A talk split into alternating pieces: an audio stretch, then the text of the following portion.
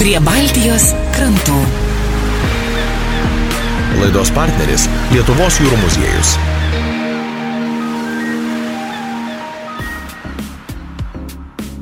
Baltijos jūroje nuskendusius laivus naikina ne tik gamta ir laikas, bet ir žvejybiniai tinklai. Jie užkliuvę už laivo skenduolio ne tik jį apgadina, bet ir toliau naikina žuvis. Pasak Lino Duoblio, tokie tinklai, dar vadinami vaiduokliais, teršia jūrą, o kartu su mikroplastiku per jūros produktus atsiduria ir ant mūsų stalo. Esminė problema, kad jie, jeigu yra užkliuvę objektų, jos gadina. Antras dalykas, kad pats tinklas jis ir toliau gaudo žuvį. 40 procentų našumas jis ir toliau išlieka. Žuvis ir toliau įsipainioja į tinklą, jos numiršta, aišku, jas suvalgo kiti gyvūnėliai, procesas vyksta. Paskiau jie yra mikroplastiko teršėjai, renka visas kitas šiukšlės, aplink save formuoja debesį šiukšlių ar ten kalną šiukšlių ir visas mikroplastikas. Mikroplastiką valgo ten daleiskim maži gyvūnėliai, aplink tą tinklą aplipę kriauklytės, tas kriauklytės valgo žuvytės, tas žuvytės valgome galimai netgi mes, tai va tas visas procesas ratu ir vyksta. Nenustojamas procesas.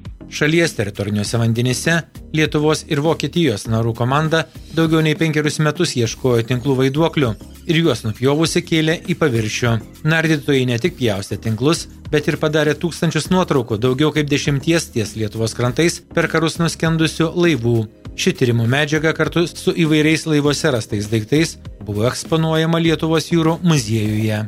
Šiaip mes veiklą, tokią socialinę veiklą, kaip tinklų rinkimas, buvom pradėję 2016 metais. Nuo 2018 metų darėme projektą su Vokietijos narais. Penkis metus vykdėm Baltic Sea Heritage Rescue projektą. Valėme laivus nuo tinklų, juos surinkdavom, priduodavom į utilizavimo kompaniją čia Taurogė. Tada padarėme dvi tartautinės konferencijas kartu su jūros muziejum. Penkių metų progą padarėm parodą apie tuos laivus, 3D maketus ir jų istorijas bei varpus, kurias padovanojo muziejui. Dabar šiais metais to projekto jau nebedarom turbūt kas nors perims iš mūsų visą tą norą daryti, kokie Lietuvos narai.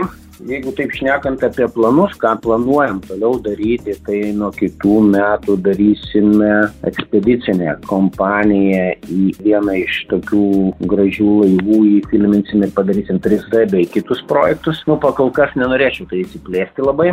Linas Doblys sako, kad šį gamtosauginį darbą nupjaustant žvybinius tinklus nuo nuskendusių laivų dar teks daryti daugybę metų, nes tinklų vaiduoklių kiekiai yra didžiuliai. Jie yra pasimetę Baltijos jūroje ir užkliuvę už laivų arba šiaip kitų objektų arba kliučių, tai yra šimtai tonų. Jie per metus sugaudo tiek pat tonų žuvies. Man rodo, švedų mokslininkai yra atlikę tyrimus, kad kiekvienais metais prarandama dešimtim tonų gyvo žuvies populacijos, vien dėl to, kad jos įsipainioja ir žuva paliktose tinkluose. Yra numatyti rinkimai tinklų visam Baltijos regione, kaip juos skaičiuoti, daug metodikų ir panašiai, bet tai nelabai pasiteisina pasiteisina, tai visur kaip ir žmogaus darbas padaro daugiausia darbo švarinant mūsų Baltijos jūrą. Per tos penkis metus nuėjom ne vieną toną tinklų ir atidavėm. Jeigu šiaip kalbėti apie kiekį, kiek jų yra, tai iki 12 jūrmilių yra maždaug viskas apvalyta, bet jų aišku atsiranda ir naujų, ir, ir šiaip, ir negali